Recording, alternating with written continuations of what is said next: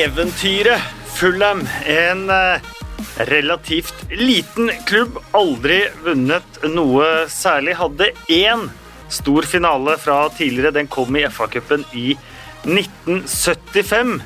Men så kom 2009-2010-sesongen, og da hadde Fulham gått fra å nesten rykke ned til sjuendeplass og til et eh, eventyr i Europa som jeg ikke tror noen hadde sett eh, for seg på forhånd. Vi skal fortelle hele historien om Europacup-eventyret til eh, Fulham i 2009-10-sesongen. Og Brede Hangeland, det er du som skal fortelle historien. Skal være med, i hvert fall, Kasper. Du uh, kan jo mye om dette, men uh, forhåpentlig så husker jeg det bedre enn deg, da. Så vi må prøve å ta våre kjære lyttere med på det som i sannhet var et eventyr. Det må jeg si, for det var uh, det beste jeg noen gang opplevde som fotballspiller, både på og utenfor banen, det var denne sesongen her, der du skjønte at alt er mulig. Alt er mulig i fotball, men det en, det så ut som en relativt sånn forgjengelig sesong. Det var et Fulham selvfølgelig i stor, stor framgang. Eh, en sjuendeplass i Premier League skal man eh, ikke kimse av. Eh, men jeg vil tro at i oppbygningen til denne sesongen så var det ikke først og fremst Europa som sto i fokus sånn i utgangspunktet. Dere skulle bl.a. gjennom noen kvalifiseringsrunder og, og, sånn der. Kanskje mer enn distruksjon? Ja, eh, den allmenne oppfatningen den gangen, og for så vidt nå, er jo at eh, Premier League er det soleklart viktigste for, eh, for alle klubber, og spesielt de som frykter nedrykk. Og, og en har en redsel for at et eventyr i Europa, eller bare en deltakelse i Europa, skal, skal ta bort krefter og fokus fra, fra, seriekampene. Og det var vel sånn delvis inngangen til, til denne reisen òg. Uh, og så etter hvert som en kom lenger, så ble det, ble det, et naturlig mål å prøve å komme langt. Men, men høstsesongen så, så, var det jo mange både i og rundt klubben og i garderoben òg som lurte på om uh, om det var vel anvendte krefter uh, å bruke i, i eh, Litauen og Russland og eh, Bulgaria osv. Ja, for det begynte eh, allerede 30. juli. Eh, med en tur til eh, Litauen, og så skulle det til Amkar i, i Russland. Eh, og vi har sett lag slite med sånne oppkjøringer. Ja. jeg, husker at det, vi starta jo i Litauen der. og, og punkt nummer én er at du, du får en altfor kort ja, ja, Det kan jeg bekrefte, det er riktig. Eh, du får jo en altfor kort ferie. Jeg tror at det året der så var det noe sånn som 13 dagers ferie. Uh, fordi at du har landskamper midt i juni, og så starter du opp tidlig. Og mens de andre PL-klubbene driver med preseason-trening, så er du i gang med å spille uh, kvalikkamper. Uh, så skal vi ta med òg at dette jo, var jo en tid der det virkelig var gøy å være Fulham-spiller. Det var fantastiske folk på laget, og stort sett alle uh, omfavna denne reisen her. Det hadde vel noen litt skeptiske, Bobby Samora med flere, som, uh, som uh, syntes det ble veldig mye kamper og reising. Men uh, vi gikk nå på med friskt mot og kom oss gjennom uh, denne kampen mot Vetra Vilnius. og den andre kvalikrunden mot Amkar Perm var òg uforglemmelig. Det var jo da en Perm er jo da en by som ligger omtrent med Uralfjellene, som, som inntil slutten av 80-tallet ikke var på vestlige kart engang. For her uh, produserte de atomvåpen Aha. i gamle Sovjetunionen. Uh, så der har jeg vært og spilt på kunstgress mot Amcar Perm i en knokkelkamp uh, om å komme inn i, i gruppespillet. så ja, det var noen opplevelser i starten der. Vi må gå gjennom litt det laget du opplevde dette eventyret sammen med. Mark Schwartzer i mål fantastisk eh, keeper og type. Du hadde spillere som Paul Koncheski, Chris Baird, Andy Johnson, eh, Soltan Gera, som eh, skulle vise seg å bli ekstremt viktig i og med at Andy Johnson ble, ble skadd der.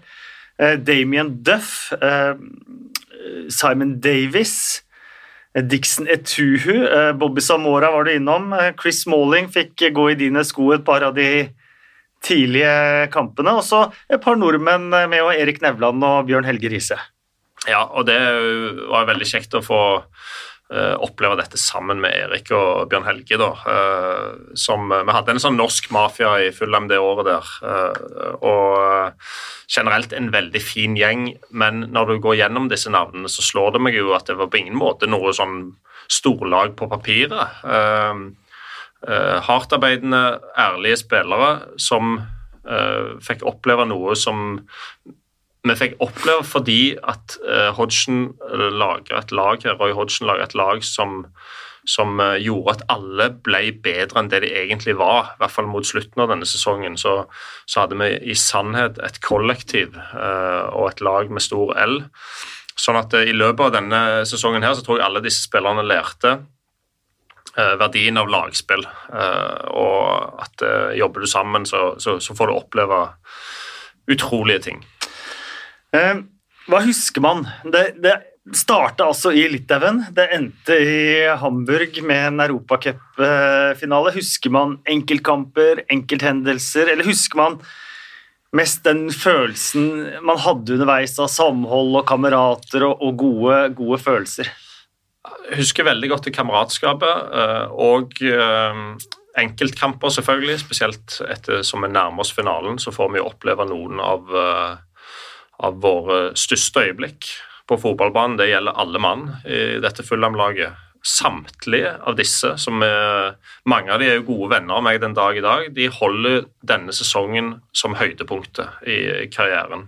Enten det er Mark Swartzer, som hadde vært i, i en europacupfinale før med, med, Middlesbrough, eller Danny Murphy, som hadde hatt en stor karriere i, i Liverpool. Eh, disse gutta syntes at dette var eh, et høydepunkt eh, fordi at vi hadde så god stemning. Og så er det òg en klar opplevelse denne sesongen, det skal vi òg ta med, at det var jo Fysisk er det jo blytungt. sant? Jeg er på mellom 60 og 70 kamper det året der. og konstant vondt et eller annet sted, spesielt mot slutten. Der de siste kampene blir spilt rett og slett med med skade. ja, det må vi innom. Ja, det må vi innom. innom noen noe ordentlige varianter. Vi kan begynne i Bulgaria. Mm. Eh, CSKA Sofia var eh, første lag i eh, gruppespillet. Dere hadde CSKA Sofia, Basel og ikke minst Roma i, i gruppa. Og inntrykket på første kampen det er at uh, damene i Europa, men uh, vi har ting som er, er viktigere. Ja. Du var ikke med til uh, Bulgaria. Chris Smalling fikk faktisk sin aller, aller første start nede i Bulgaria i dine sko? Mm. Ja, nei, det var, jo, eh, det var, jo, fokus på Premier League, som det måtte være eh, på høstsesongen. Det uh, handler om å komme til 40 poeng. sånn at Hodgson når jeg ser tilbake på det, så, så sjonglerte jo han disse tingene veldig fornuftig. Vi kom oss jo ut av dette gruppespillet med et nødskrik. og, og det laget som reiste til Bulgaria, var vel ganske langt fra fra uh, førsteelveren. Men det, det, konsekvensen av dette var jo òg at det, ble, det ble ikke bare elleve mann denne sesongen, det ble en hel tropp. fordi det var veldig mange som, som fikk spilt en god del. Bjørn Helge var inne og, og jo, ga oss enormt viktige bidrag i gruppespillet der med noen målgivende pasninger, tror jeg, i den siste kampen, kanskje. Så, så det ble en, det, det, håndterte Hodgson eh, og balanserte på en, på en, fin måte, altså, som gjorde at vi slo godt fra oss i Premier League, i hvert fall før jul der. Eh, og så skifta vel fokuset litt mer mot uh, europacupspill på vårsesongen. Eh, det ble 1-1 borte mot CSKA Sofia eh, med et redusert lag. Det holdt på å bli skjebnesvangert, eh, faktisk, det poengtapet der. Det var det eneste poenget CSKA tok. Mm. Så konkurrentene Basel og Roma tok jo full pott mot eh, CSKA. Hjemmekamp, fremdeles uten deg, mot Basel. Basel hadde slått Roma 2-0 i den første kampen. Bare 16 000 tilskuere på Creven Cottage. Fortsatt ikke noe eventyr som var i gang. Jeg tror ikke det var noen på det, på det tidspunktet som som uh, prioriterte det, andre enn de som kanskje var sånn 15-16-17 mann i, i troppen. Uh, men det var jo allikevel European Nights, sant. Og det å, når det var en sånn kveld på Craven Cottage, så ja, jeg tipper det tilskuertallet økte utover sesongen fra de 16 000 der. det, gjorde det, gjorde det definitivt. Andy Johnson fikk jo sin eneste kamp i den kampen der. Det viser seg kanskje å være en av de lykkeligste skadene noensinne for Fulham, i og med at det var Soltan Gera som kom inn, og han skåra nesten alle viktige måla for dere utover. Ja, vi hadde jo et veldig tydelig spisspar med Samora Johnson. En stor og en liten. To kompiser som kjente hverandre godt og var meget bra. Så det at Andy Johnson ble skada tidlig i den sesongen, er et kjempetap for oss. Men Soltan Gera viser seg da som som en perfekt spiller i Europacupen. Og ja, han For en herlig fyr. Verdens snilleste mann. Og, og jeg husker tilbake, jeg har nettopp sett høydepunktet òg når han ender opp med å sende oss til finalen til slutt med tårer i øynene sekunder etter han har skåra det målet. Så han, han profitterte jo på Andy Johnson sin skade, og det gjorde sannsynligvis laget òg, når han summerer opp. Første kamp for deg, det ble jo da en kamp som da begynte man med europaopphaussinga. Da var det Roma som skulle komme på besøk. Første gang Fulham skulle møte Roma i det hele tatt. Hadde knapt møtt italiensk motstand før, den klubben. Det var Riise mot Riise ja. på venstre bekk og høyre kant. Begge med nummer 17 på ryggen. Og det var du som stjal showet i din første kamp. Ja, jeg skåra et mål der. Et veldig fint mål òg. Det var et fantastisk sterkt mål, faktisk. Ja, det var det. Jeg, jeg så det hadde, igjen i dag. Jeg hadde en sånn italiener som, som hang på, som bare italienerne kan. og så kommer det en perfekt corner, jeg går kjempehøyt og slår både han stopperen og keeperen i, i duell der. Skårer fint mål. Så er det vel den kampen der jeg blir utvist òg, er det ikke det? Det er det du tenker på? det, da da skårer vi først, for det er jo det er Bjørn Helge Riise ja. sin corner. Det er Du hopper altså høyere enn en keeper med armene rett opp. Ja. Høyere. Hopper. Ja, det jo, må jo være en sånn europacupmotivasjon. Men jeg hadde jo det altså jeg hadde jo god, kom jo høyt hvis jeg fikk gå opp med disse berømte tre skrittene. og Det handla jo ofte om å klare å frigjøre seg fra markeringen. da, og Hvis en klarte det, så, så, så, hadde jeg jo stor rekkevidde. Det var En herlig skåring. Det var sånn corner fra Bjørn Helge som bare var slått på sånn måte at hvis du bare møter den, mm. så, så det, blir det kraft i headingen. Uh, fint øyeblikk. Så, men uh, mot slutten der så blir så, så skjer det Det er vel Jon Arne som kommer på venstrebekken for Roma og blir dratt ned av vår høyrebekk, som da er Stephen Kelly. Og dommerteamet og Det er viktig å få med, det er jo fem mann i dommerteamet her nå. Seks mann er det. Det er dommer, to linjedommere, fjerdedommer, og så er det to sånne mållinjedommere. eller hva det heter. For de har sånn peistenner og står bak? Ja, de står bak ja. der og har egentlig ingen jobb annet enn å sjekke om ballen er inne. Og han ene av de dommerne står jo da rett ved denne situasjonen. Til tross for alt dette, de seks dommerne, så klarer de å konkludere med at det var jeg som felte Jon Arne, og ikke Stephen Kelly. Så jeg måtte jo bedyre min uskyld der. Uttrykket ditt når du prøver å gjøre det òg. Det er fantastisk. Jo, men en, en umulig situasjon, for jeg prøver å forklare at det, det, var ikke meg. Men jeg kan ikke fortelle hvem det er heller. for vil, du, vil jo, du, vil jo, ikke bare uh, sende Stephen Kelly i dusjen. Uh, så uh, ja, til slutt så finner de jo ut at det, det, var feil mann, og han må gå i dusjen, og, og Roma får da straffe, og det blir vel 1-1. Men men den, straffen reddes? Straffen reddes, ja, men så skårer de rett, mm. rett, før slutt. Men den dagen konkluderte jeg med at de to dommerne som står bak målet, de må bare ut, altså. det var nytteløst. uh, Jon Arne Riise er veldig hissig på uh, at noe mer enn straffe må, må skje her. ble du irritert? ja, for han ville ha rødt kort, ja. Vil han det? Det ser sånn ut. Ja, Nei, det må jo han få lov til, men det var i hvert fall, jeg hadde ikke gått av den banen uansett. For det, at, eh, det var et soleklart straffespark. Kanskje rødt kort òg, men du, eh, du, kan ikke bli utvist på sånn mistaken identity. altså. Det går ikke. Og eh, Jeg tenkte jo med meg sjøl med stille sinn jeg vil jo, Det er bedre for laget at Stephen Kelly blir utvist, mm. uh, enn at jeg blir utvist. Uh, så uh, det var en spesiell situasjon. Men tenkte dere da nå Nå er liksom Europa i gang. Dette var en fantastisk kveld under flomlysene i Craven Cottage. Ja, ja jeg syns det, det Altså, Roma det, det, det, det var indrefilet for en klubb som Fulham altså, å få, de på besøk. Og, og En merka jo at utover høsten her at appetitten i garderoben um, den økte jo i forhold til det med europakamper. Og, og når Roma kommer, så er jo det vel så kult som, som Premier League-kampene. Så jeg, jeg, tror selv om Hodgson kanskje innerst inne hadde syntes det var greit om vi gikk ut av gruppespillet, så var det mange i garderoben som hadde veldig lyst til å være med lengst mulig her. Eh, og etter hvert så ble jo alle enige om det prosjektet. ja, for neste match, det var eh, borte mot eh, Roma. Dere tar ledelsen på et straffespark i første omgang.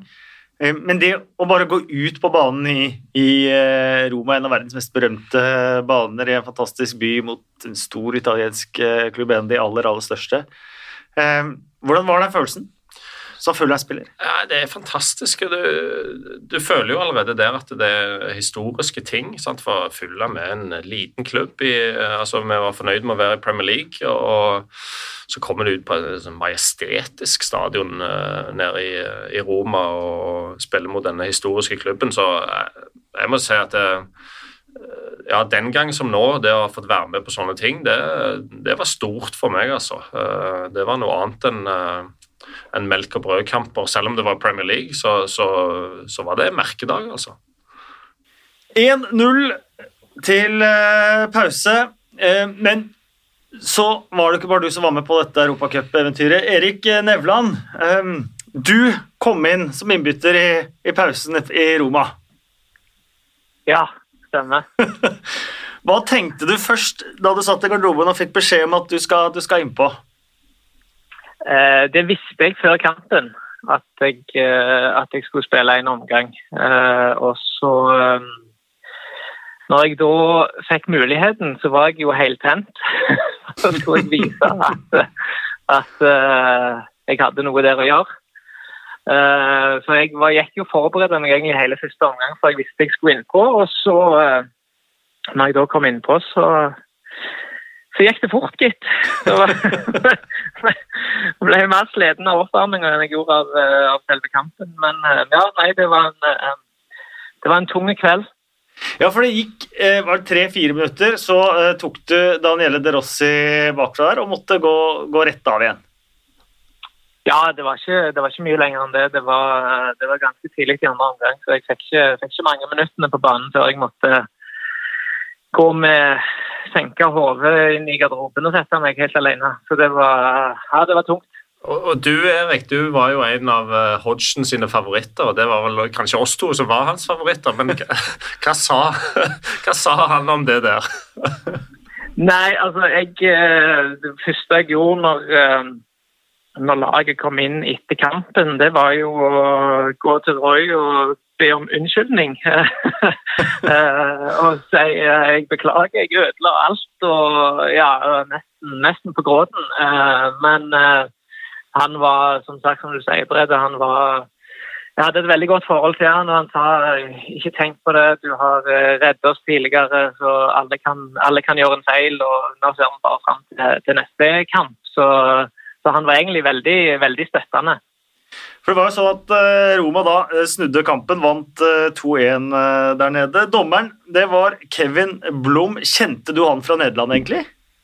Ja, han hadde dømt meg mange ganger i, i Nederland. og jeg har egentlig følt at han alltid har hatt et ok forhold til han og hatt en, en god dommer, men uh, akkurat her så så tok han meg skikkelig. Så det var, det var kjempenedtur. Men eh, ja, nei, det, han, eh, jeg hadde, hatt han mange ganger i, i Nederland som dommer, så, så, jeg hadde egentlig et, et, godt inntrykk av han helt til dette skjedde. Nå, etter det så har jeg ikke syntes så mye om han. det var jo strengt òg, Det var veldig billig. Ja.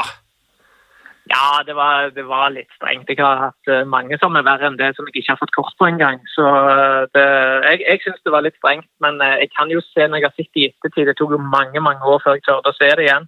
Men når jeg har sett det i ettertid, så kan jeg jo forstå at han gir det, men, men jeg syns det var strengt.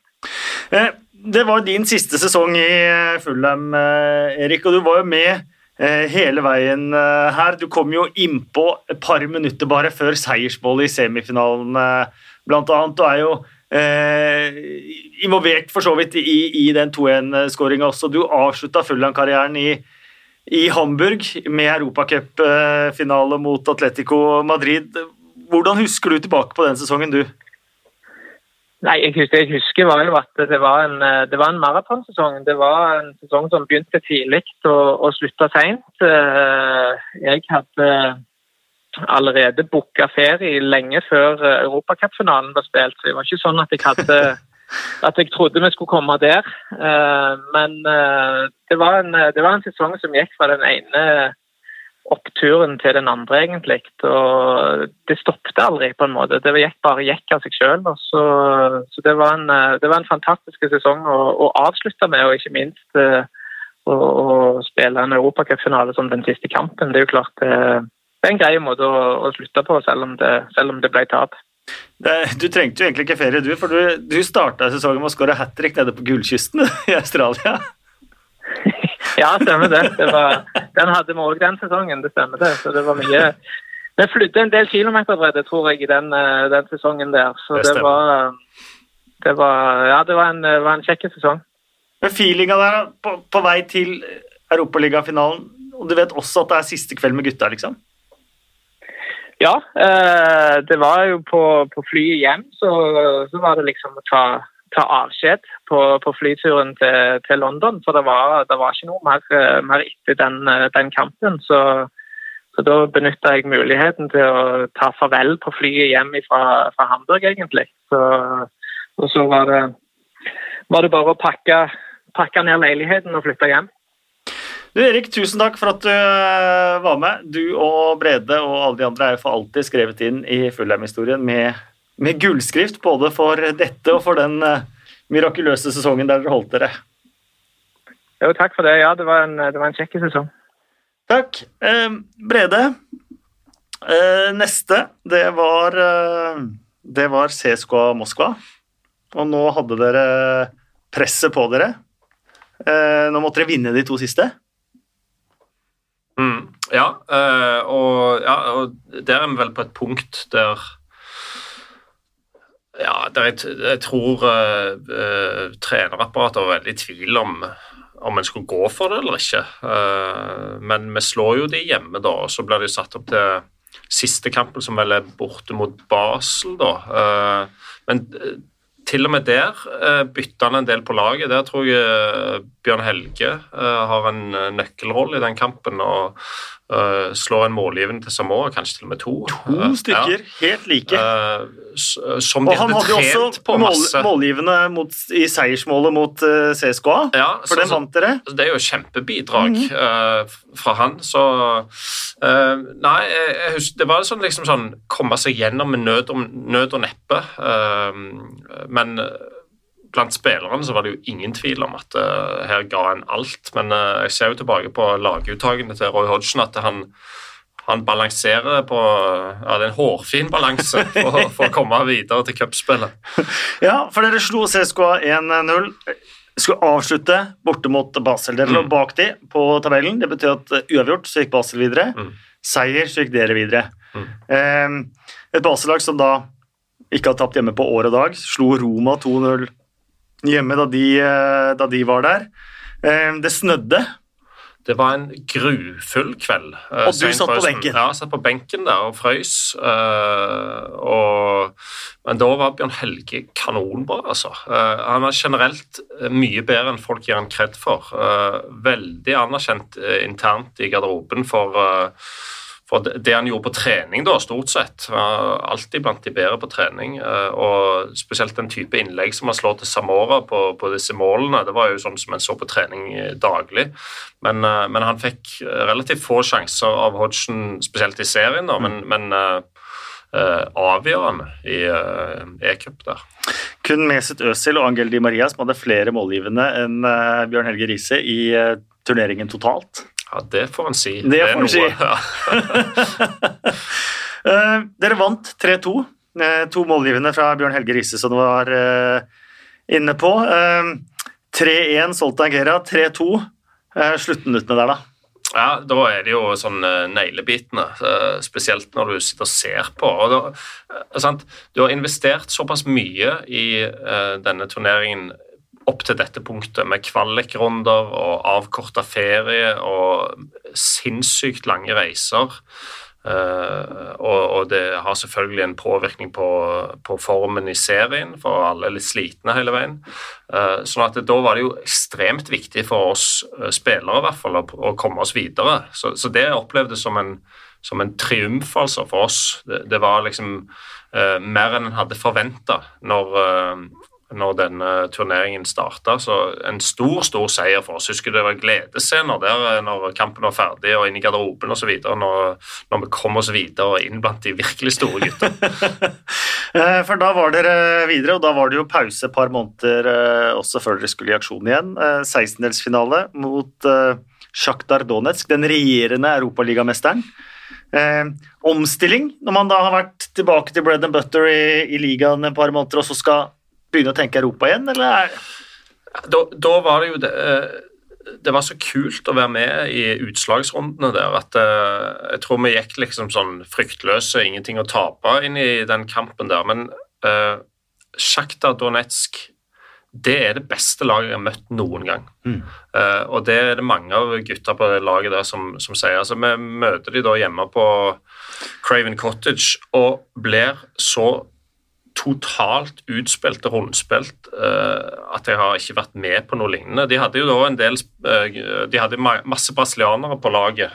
vi kan, vi kan ja. se, Det er Pjatov i mål, mm. uh, ukrainsk landslagslegende. Du har Dario Serna, du har uh, Rakitski, du har Asfarat. Fernandinho skal vi ikke glemme. Ilsinho.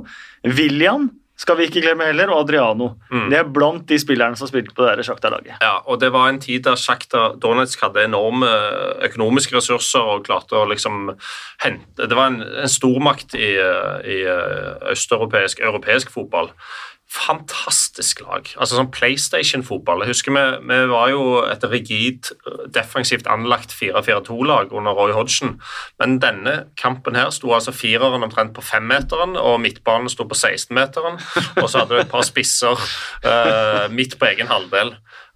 Enorm kvalitet. Vi var helt sjokkert over uh, hvor gode de var, men vi klarer altså da å slå de 2-1 på Craven Cottage takket være et tidlig mål, tror jeg, og en rakett av uh, Samora. En utrolig skåring.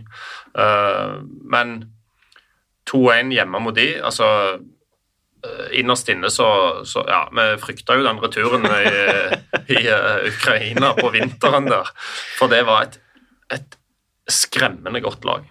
Jeg vet ikke om jeg skal gi deg hockeyassist på den raketten til uh, Savora, for du er vel ja. faktisk tredje sist på den? Ja, fint oppspill og en liten flikk fra, fra Gera eller ja, noe sånt. Ja. ja. og så uh, Samora i krysset fra Men det var vel ja, det var omtrent det eneste angrepet vi hadde mot, mot Sjakta Donetsk.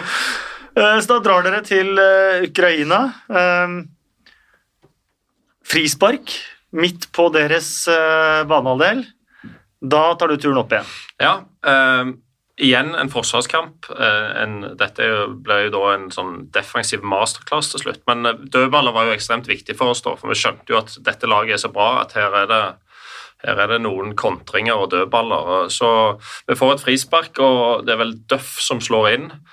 Uh, jeg husker at det var han som skulle markere meg, han var mye, mye, mye mindre. Um, jeg trengte ikke hoppe engang. Eh, sto, sto rett og slett bare holdt han litt vekke.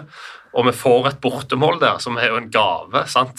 Fullstendig mot spillets gang, uh, naturligvis. Og det, og det, blir en, en sånn forsvarskamp.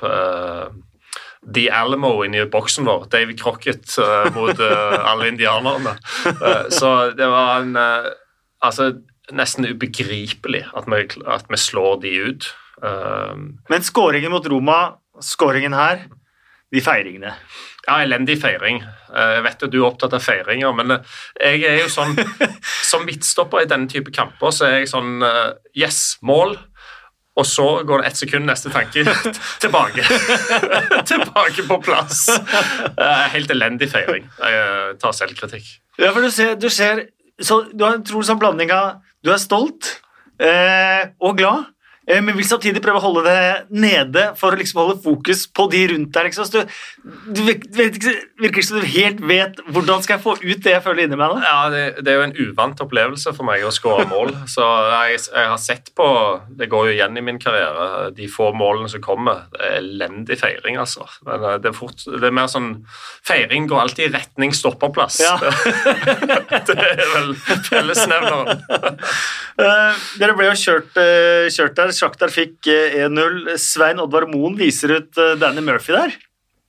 Ja, eh, Murphy eh, mister det jo litt mot slutten. Da. Han er langt oppe på halvdelen til Sjaktar. Det er liksom eh, en helt unødvendig takling, eh, og han blir vist ut. Strengt, syns jeg. Ja, helt enig igjen. Um, litt skuffende at Svein Oddvar Moen ikke anerkjente den Dere norske er jo linken. nesten naboer òg. Ja, eh, og det var jo blytungt for oss å miste Murphy, som var kapteinen vår der, og, og, og på mange måter limet i laget. Så han ryker jo ut, eh, så det er en kjempesmell før uh, neste runde. Um, men var det sånn at nå fikk dere trua på at shit, vi slo Sjaktar. Dette kan nå langt, liksom. Ja, uh, jeg tror, jeg tror for en, vi får enda sterkere tro på det etter neste runde, men, men jeg tror vi var helt enige om at ingen lag kan være bedre enn Shakhtar i denne turneringen. For det var det beste laget vi hadde møtt noen gang. Eh, Så hvis det går an å slå ut de, så går det òg an å slå ut neste motstander. Og det så jo ikke ut til å være mulig. Ehm, Juventus var neste motstander. Dere tapte 1-3 der nede. Jeg fikk jo det bortemålet med Dixon Etuer, men da så det tungt ut. Ja, og det var en ganske dårlig kamp òg. altså, hvis det var én ting som kjennetegna dette Fulham-laget, så var det jo uh, ganske sånn jevne, solide prestasjoner, ekle å møte, godt organisert. Men her var vi faktisk dårlige uh, i eh, Torino. Uh, Tapte fullt fortjent.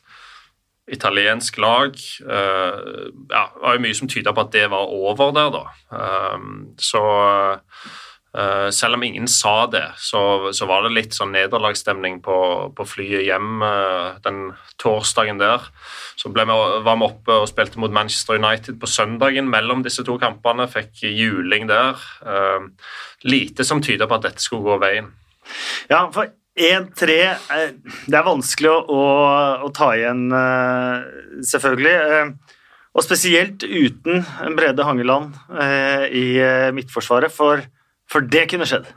Det kunne skjedd. Altså, dette er jo da ja, Vi sitter jo her nå ti år seinere. Hvis jeg kjenner i, eh, øverst i brystkassen, så har jeg ennå eh, eh, en skade her, som, som da kommer i denne kampen mellom Juventus-kampene, borte mot Manchester United, i duell med Alex Valencia før pause.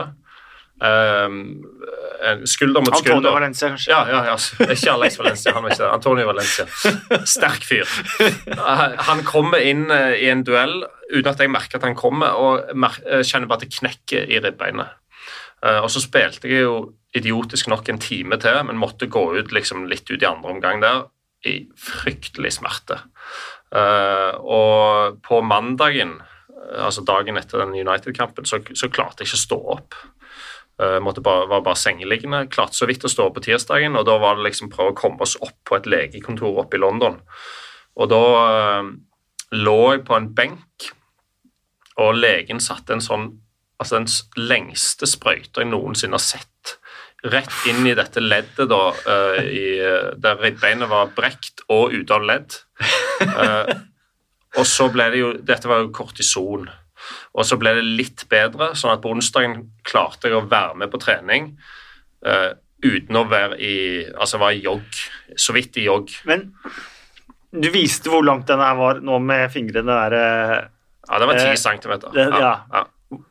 Så bare stakk inn i Ja, altså jeg lå på en benk der, og, og det var et sånn ledd som var fullt av inflammasjon. Og legen han begynte med å si sånn OK, this is a car crash injury, sa han. Ja. Han sammenligna det med, med Altså, det, det var knust. Uh, og så lå jeg på denne benken, og så sa han uh, vi kan prøve denne behandlingen her, men nå må du ligge helt stille. For, for hvis dette går galt, så er det en risiko for at, det- for at han bommer på, og, og setter den sprøyta Altså punkterer lungene, rett og slett.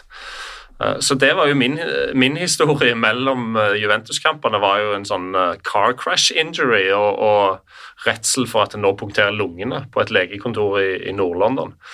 Uh, heldigvis lå jeg i ro, og heldigvis traff, traff legen der han skulle. Og da, ble det litt bedre, men fremdeles det verste smerten har jeg opplevd uh, i livet. Så onsdagen der uh, klarer å være med på en slags formasjonstrening, men det er fremdeles sånn torsdag kveld rett før Juventus-kampen at, at, legen nærmest sånn, sier sånn uh, Do you think you can get on the pitch? liksom. La oss prøve å se, bare gå ut på banen og se om, uh, om adrenalin og alt dette her hjelper. Uh, og det gjorde det. men kampen starta jo grusomt for oss, og Tressegé skårer da etter noen få minutter. Uh, Juventus er da på 4-1 sammenlagt, og da, da var jeg Det var nære ved at jeg bare gikk av, altså. Mm. For, for da det var så vondt, og, og, sjansen for å gå videre er omtrent null på det punktet der. Uh, ja, for det er som dere skulle tapt 3-0 der borte. Ja. Uh, for da måtte dere ha 3-0 ja. etter det for å få ekstraganger. 4-0. Fire uten å slippe inn ja. for, å, for, å, gå videre. Mot Juventus, Calavaro, 3CG Ja. Del Piero på benken, tror jeg, for sikkerhets skyld. Ja, eh, oss eh, virker jo håpløst, men, men eh, da kom jo Hodgson var jo veldig sånn Uh, stol på stilen, stol på prosessen og sånn, og, stol på det vi holder på med. Det var jo aldri snakk om å, å uh, kaste alle mann i angrep og, og, risikere å få to i sekken. Det var, det var lenge igjen. Det var 85 minutter igjen. Og så blir jo uh, får vel Canevaro blir utvist. Ja, første tidligere utligning. Det ja. var jo viktig. Ja. Da får man liksom litt go, go men fremdeles er det jo pinlig. Ja. sant? Det, det er Europacup, dette, og du føler at det her blir latterliggjort, egentlig. Men uh, utligning og så utvisning på Canevaro, mm. uh, som var den beste spilleren de hadde. Uh, kapteinen for Italia, som, var, som, vant VM litt tidligere. så uh, da begynner det å skje et eller annet i den kampen. Eh, og derfra og inn så har jeg sånn eh, ja, Punkt én, jeg merker ikke så mye til den skaden lenger. Eh, og, og laget spiller fantastisk fotball. Og en merker at, den, at, vi har et mentalt og fysisk overtak på Juventus. Tilskuerne merker at, at her er det i ferd med å skje noe. og har bare en sånn minner om at vi bare angriper i bølger mm. og, bare, og, og, langsomt bryter ned uh, et italiensk lag som, som normalt sett skal ha dette som melk og brød, og bare forsvare en ledelse. Og når det i tillegg hele Claire Cottage reiser seg opp og synger 'Stand up if you still believe', for dere, merker dere det? Jeg får gåsehud bare jeg tenker på det. Merker dere sånt nå også på banen? Ja, altså minnene om den kampen og, og, og semifinalen uh, noen uker senere mot Hamburg er, er, det beste jeg har opplevd på en fotballbane noensinne. Uh, fordi at det, du får så mye energi av, av publikum og av den rammen som skapes, og, og at gutta er som familie, og en liksom bare kjører på. og Juventus merker det òg, for de, de, merker sånn å, dette, okay, dette blir ikke lett. Uh, helt, altså Den følelsen der er det beste du kan ha på en fotballbane. Når alt går opp i en høyere enhet på den måten der. Uh, og så er jo selve gangen i kampen er jo også som en Hollywood-film. Mm. Der de uh, tar ledelsen tidlig, og så kommer vi tilbake, kommer nærmere og nærmere. kommer opp på, på 3-1, og så skipper Clint Dempsey inn 4-1, eh, da. Uh, for en skåring! For en skåring! Hvordan var det å stå i midtsirkelen og se den skåringa? Nei, da står jo jeg på midten der, og det, det er foran Hammersmith End, uh, der i den grad det er ville Fulham-fans, så, så, står de der. Dempsey får ballen på kanten av 16, og så skipper han ballen, og, og det er som om tiden står stille. Uh, og jeg så med en gang, for jeg sto liksom 50 meter bak og så at den hadde fin retning. En skip som da tar et par sekunder, det, det var som en evighet. og, og, jeg husker jeg kunne, kunne se det folkehavet bak uh, målet. Uh, at ut, ansiktsuttrykkene endrer seg i det ballen er i ferd med å dale ned i nettet, og så blir det bare en sånn eksplosjon av energi. Ja, det var altså ja, Jeg får frysninger av å tenke på det den dag i dag, selv om jeg har ti år. Og når man da kom utgangspunktet underdog, har blitt, fått litt juling nede i Torino eh, Spiller på liksom Du har Juventus i Torino på fantastisk stadion, verdensstjerne og sånt noe.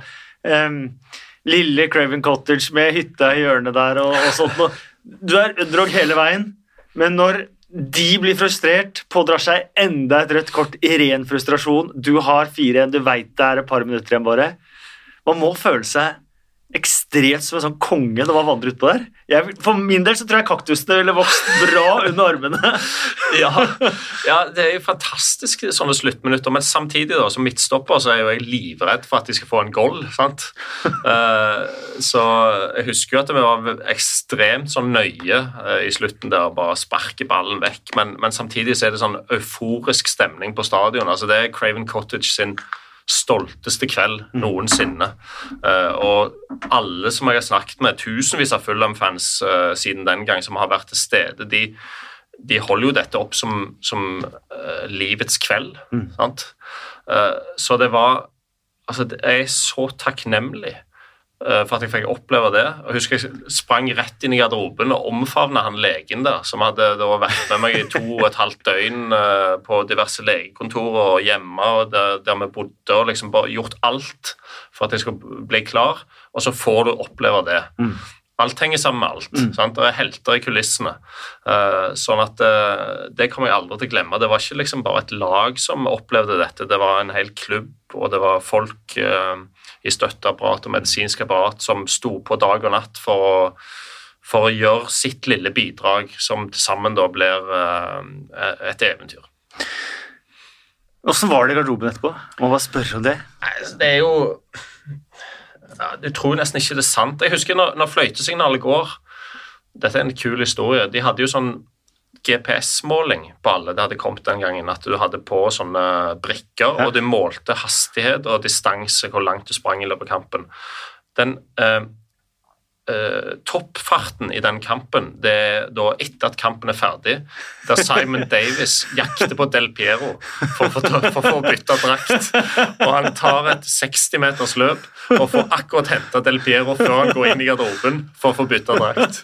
Så det var jo sånn sant, vi var, selv om dette på ingen måte var den beste Juventus-generasjonen noensinne, så var det verdensstjerner, mange av de, eh, og det var enormt for oss bare å uh, spille mot dem. Mm. Og når du i tillegg slår de, og du ser det ikoniske scoreboardet på Crane Cottage der det står Fulham 4-1 Juventus, det var sånn klyp, klyp deg i armen-opplevelse for oss i garderoben. altså. Og da var det egentlig de to sterkeste lagene i turneringa kanskje ute. Dere trakk uh, Wolfsburg i i neste, neste, runde. Det var kanskje den mest plankekjøringa dere hadde. Dere kunne vunnet fire hjemme, vant 2-1. Litt irriterende å slippe inn det mm. siste på slutten der. Skåra etter 22 sekunder borte. Um, og hadde egentlig kontroll på det, på det da. Det er den skåringa til Bobby Samore borte for øvrig. Det er Andrea Barsaglian vender eh, opp på tribuna der, er det ikke det? Det er ikke noe dårlig spiller, det. Nei, altså, jeg husker vi tenkte Etter at vi hadde slått ut Juventus, så er det Wolfsburg. og det, De hadde vunnet serien i Tyskland året før, tror jeg. Men vi tenkte sånn at disse slår vi. Kommer til å slå dem. Eh, fordi at eh, laget var så fullt av selvtillit nå, og så veldrilla og uh, Vi maksa rett og slett potensialet vårt her må ha vært grusomme å møte. For det var steinhardt arbeid, det var perfekte avstander og alt det der. Alle var fysisk sterke. Så Wolfsburg, ja, de kommer til å slå, og det gjorde vi. Husker du redninga di på streken der? Ja. Det er det rareste ja. og nesten mest spektakulære redninga på streken jeg har sett. Var med hæren. Ja, for det var en sånn eh, ja, eh, Noen har runda keeper eller et eller annet, og så går jo jeg inn på streken da, som siste utvei. og Så husker jeg sto på høyrefoten, og så kom liksom ballen til høyre for høyrefoten òg, så det ble, det ble, å ta den der Rabona-redningen, da. Så, så ja, det var jo spesielt. Men det var mest av alt flaks. Hamburg, eh, det skulle bli eh, semifinalen. Finalearenaen, eh, ikke minst. Men så kom jo asken på Island, da. Ja. Ja, Vi kommer jo aldri til å glemme når den askeskyen var. For det, det, var jo det året Europa stoppa opp som Ja, det er jo først nå i koronatiden det stoppa opp mer enn det gjorde av den askeskyen. så vi må jo kjøre buss til Hamburg. det tar nesten et døgn. Og helt surrealistisk, egentlig. Jeg har eh, sånn uh, om at vi stopper et eller annet sted på en motorvei i Europa og må ut, og Kitman henter ut ballnetter, og vi står og har litt uh, happing på, på, en veiskulder der. Uh, selvfølgelig elendig ja, for Det havna selvfølgelig rett i en bilulykke på autobahn. Ja, ja. ja selvfølgelig. Altså, helt sånn, Og Hodgson forbanna selvfølgelig. Elendig oppladning. Uh, men da var det litt sånn stemning i gjengen at eh, ok, nå kan dette være en unnskyldning, eller, eller eh, det kan være sånn som bare skjer. Eh, og kampen avgjøres tross alt på de 90 minuttene. og det, Jeg husker ikke så mye fra den bortekampen, annet enn at vi stengte butikken litt, egentlig. Gjorde det til en kjedelig, kjedelig kamp. 0-0. og da skal det avgjøres på Craven Cottage. Og dere har ikke tapt på Craven Cottage gjennom hele rekka her?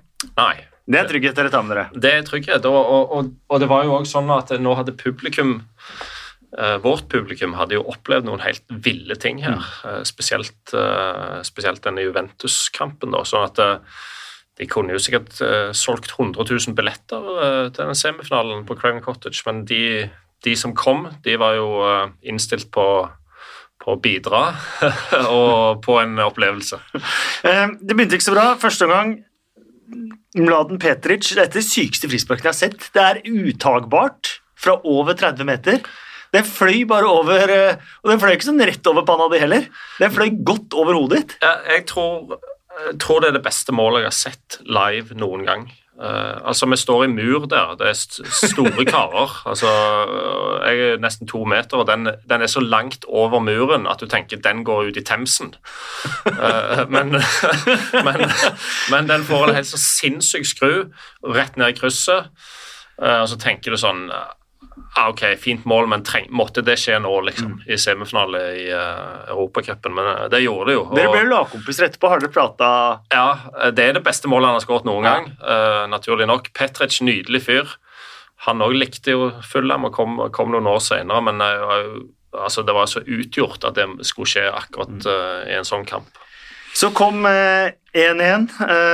den skåringen er jo magisk det nå når vi først skal snakke om fine skåringer fra Simon eh, Davis. Helflikk, vending, sett i andre. Um, Erik Nevland kommer innpå, så jeg uh, var innpå med, med Erik. Par minutter etterpå, corner. Mm. Og om det eksploderte mot Juventus Det ser nesten ut som det eksploderte mer da Soltangera setter igjen 2-1-skåringa. Ja, det, det, gjorde de jo òg. Jeg husker det er en sånn corner som blir slått inn. Jeg går i duell, og så faller bare ballen ned til han. Men han, han vender så fantastisk inni femmeteren med en sånn utsidevending og snur kroppen sin på et, et halvsekund der, og så setter han i nettet. og uh, Ja, alt alt bare eksploderer. Tilskuerne kan kanskje tror det. Du ser Soltan Gera springe fra den situasjonen. Han jubler jo. Eh, og han har nesten tårer i øynene. Mm. Eh, så vanvittig stort å få oppleve det sammen med, med gjengen. Mm. Og igjen komme tilbake, ligge under, komme tilbake. Hadde en vanvittig moral i laget.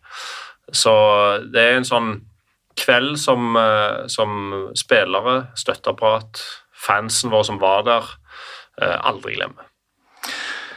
Og Det så jo det så neste ut som dere har vunnet finale etter, etter de jubelscenene ja. på, på, tribunen og på banen og, og, alt eh, mulig. Og Det vi ikke har pratet så mye om, er jo fansen. hvordan, Både på Grand Cottage, men de dro i hopetall rundt om i, i Europa også. Ja, og, og en, det er jo en klubb Fulham som har veldig få høydepunkt i, opp gjennom historien, men, men masse uh, fans som benytter anledningen til å få seg uh, rundturer europeiske eventyr denne sesongen. Støtten vokste jo og vokste etter hvert som vi kom lenger og lenger. En hadde sånn følelse av at selv om få i England holder med Fulham, så ble vi veldig populære blant alle. At mm. Alle hadde egentlig Fulham som sitt andre lag denne sesongen. Uh, og, og, enormt mange som fulgte disse kampene på TV. da. Uh, og, og jeg husker den legendariske kommentatoren Peter Drury når, når vi slår Hamburg 2-1. Da er det jo sånn Stand up if you still believe, synger publikum gjennom, gjennom hele kampen. Og, og han uh, roper ut Now you've got to believe it. Uh, når, det, når det blir 2-1 der. Hamburg will host the final, and Fulham will play in it, sier. Det det er stort, altså. Fantastisk. Helt, helt fantastisk. Eh, dere hadde jo eh, noen kamper etter dette her mellom finalen. Eh, dere vant den første. Tapte vel egentlig en topp ti-plassering på at dere falt litt i to, to ja. neste. Ja. Men hvordan er det en uke, den uka før en finaledag og, og kampdag og, og, og sånn? Jeg syns det var veldig spesielt. Uh, altså Det er så mye oppstyr, det er masse medier, selvfølgelig. Uh, og så er det jo for veldig mange av oss så, det, så har du spilt 60-70 kamper. Det er jo en kamp om å prøve å bli så klar som du kan. Uh, du blir jo aldri 100 klar. Alle har vondt et sted. masse styr. Og det slår meg litt sånn at jeg skulle ønske at jeg hadde spilt mer sånne finaler. For det er noe med å ha erfaring med både den build-upen til kampen, selve opplevelsen, det å klare å, å absorbere og, og, ta inn alt det, og samtidig være sånn levere den beste prestasjonen, mm. det er jo noe som en garantert har godt av å ha opplevd mange ganger for å virkelig komme opp på nivå. Så, så selv om vi leverte en fin kamp, og sånn, så, så, tror jeg jo at det, det var mye for oss eh, alt det styret som var rundt det å delta i en stor europeisk finale. Atletico Madrid sto på den andre siden. Jeg kommenterte faktisk spansk fotball den eh, sesongen for Canal Plus.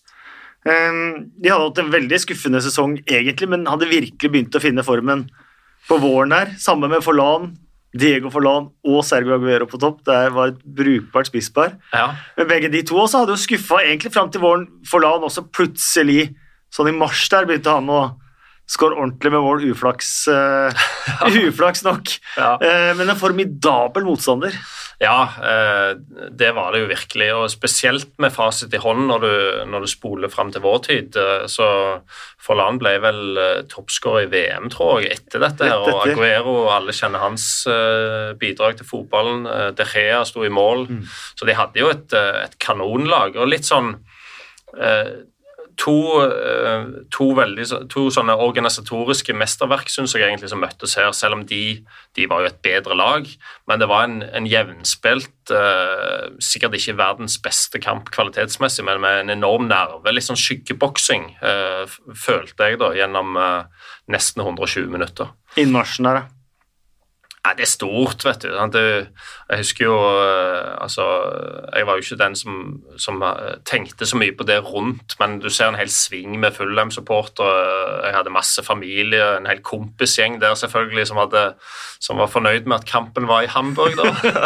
Eh, og, ja, det er jo en enorm ramme, og så må du se øvelsen og prøve å sortere bort det og være fokusert på kampen, men det er jo umulig. sant? Det er umulig, for at det å spille en finale, det, var, det er et sirkus. Mm. Uh, og ja, når du går inn på en sånn bane der, det var stort, altså. Det var virkelig stort. Uh, når du står der, husker du hvem du hadde ved sida av deg fra Atletico-spillet? Nei. Er, er, det sånn du ser rett fram Du, du har vært antar jeg har vært sånn som ser rett fram, ikke til siden av noe måle opp motstander? Nei, jeg prøver veldig altså, Det er nesten sånn lite minner fra alt det rundt, mm. egentlig. Uh, veldig Prøve å fokusere på kampen, samtidig som du, du, går inn på en sånn finalearena, så er du jo sliten før du begynner, for mm. det er så mye energitapping, egentlig. Uh, og ja, det fikk jeg betale litt for i 116. minutt, eller hva det var. det var ingen som tok på pokalen på veien? Nei, det tror jeg ikke. Nei? Nei.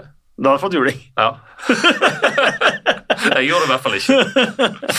uh, Diego Forlan skårer jo 1-0. Eh, dere skårer 1-1. Eh, Diego Forlan i ekstraomgang skårer 2-1. Og det ser jo ut som verdens to mest irriterende mål å slippe inn. Ja, utrolig irriterende. Jeg, og jeg, er jo, jeg mener jo jeg burde avverge begge. Um, altså Det første målet er jo et sånn tilfeldig drittmål. Et slags innlegg som han bare Eller et slags skudd, skudd som, som, han bare styrer inn. Men jeg er for langt fra. På begge måla. og spesielt det i ekstraomgangen er forbanna irriterende. For det, det, var en sånn situasjon som jeg normalt sett alltid stoppa. Mm. Uh, for jeg, jeg, var alltid litt treigere enn min direkte motstander og hadde da som vane å bare på innleggssituasjonen bare starte mot, uh, mot nærmeste stolpe, for da klarerer du nesten alle sånne. Og så nølte jeg et halvsekund der i den situasjonen, som at han akkurat kommer foran og får det touchet. Det går via foten min og i nettet, og det er jo sånn ja, I en finale så er det himmel eller helvete, og der blir det helvete, altså. Eh, og, og en følelse av uh, litt sånn skyld òg. Ganske mye skyld der. Uh, selv om du vet aldri straffesparkkonkurranse, men jeg tror, jeg tror vi hadde hatt en veldig god sjanse der med Swartzer i mål, som var god på straffer, og mange sånn lugne, fine, sikre straffeskyttere. Hadde dere øvd? Jeg tror de som skulle ta straffa, hadde øvd. Ja. Uh, jeg det var greit det ikke gikk til ti, da. Hvis jeg hadde vært nummer elleve der. Ti eller elleve. Eh, er det sånn at du tenker på de situasjonene innimellom nå? Og tenker sånn åh, plutselig slår det? Eh, en gang iblant, men relativt sjelden, heldigvis. Altså jeg tenker jo som sådan at det, det, har jo liten praktisk betydning for livet nå uh, om, uh, om, det ble seier eller tap i den finalen, men det er jo tungt å tenke på, altså gå inn Jeg kan jo lukke øynene og rekonstruere den innleggssituasjonen der uh, i slow motion, og liksom til og med det øyeblikket da tenkte Nei, nå starter det for seint. Mm. Men ok, du får jo ikke gjort noe med det, men det, det, det er litt tilbake til det slår meg, det, det der med finaleerfaringen. Det, altså, hva kunne han gjort? Han? Kunne han tatt en eh, porsjon pasta ekstra uh, før kampen? Kunne du tatt en ekstra uh, XL1-bar før ekstraomgangene bare for å endre på det halvsekundet der? Men du kommer jo ingen vei med de tankene, Nei. selvfølgelig.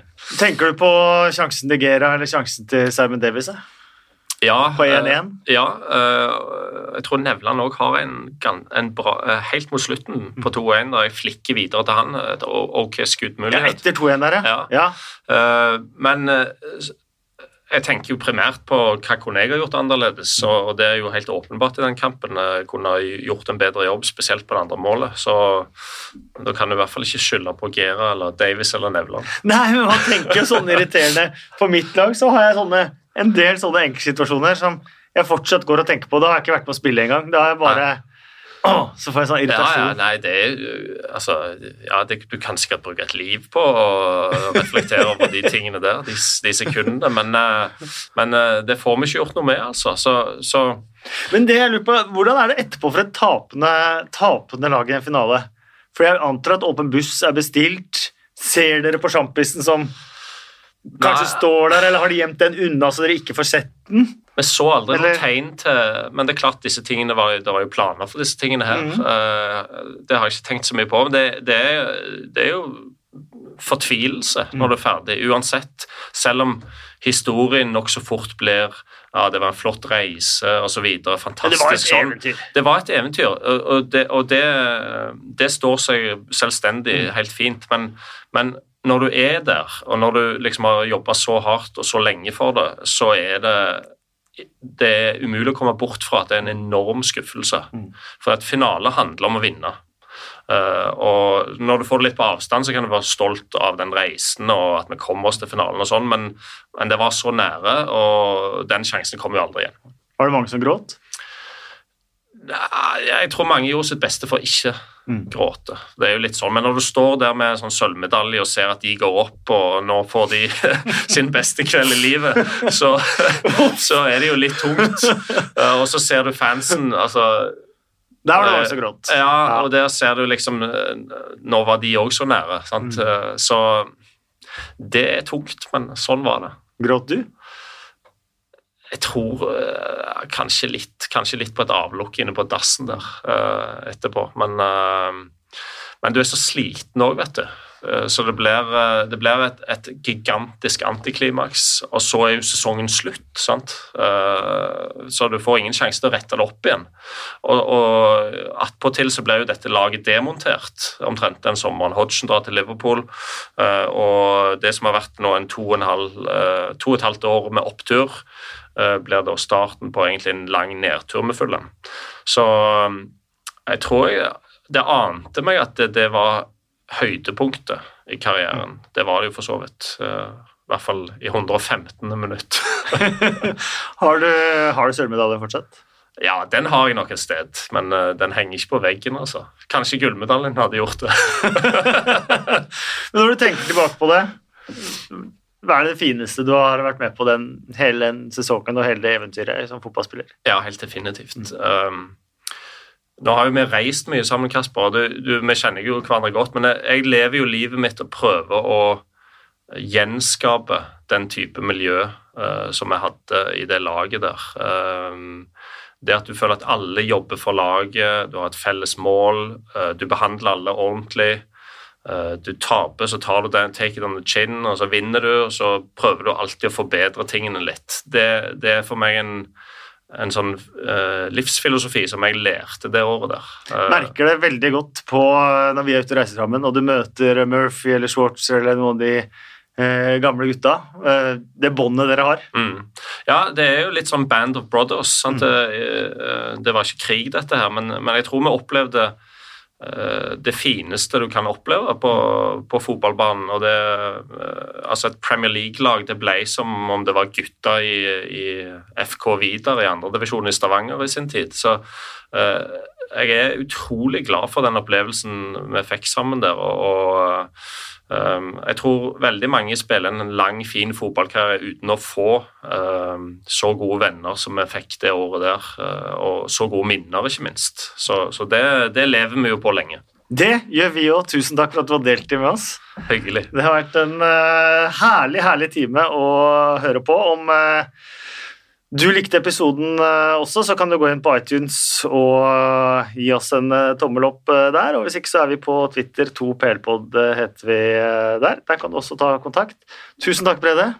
Det var veldig hyggelig, Kasper. Det er alltid en fornøyelse å være her. I dag var det ekstra fint. Veldig, veldig fint. Og tusen takk til deg som hørte på.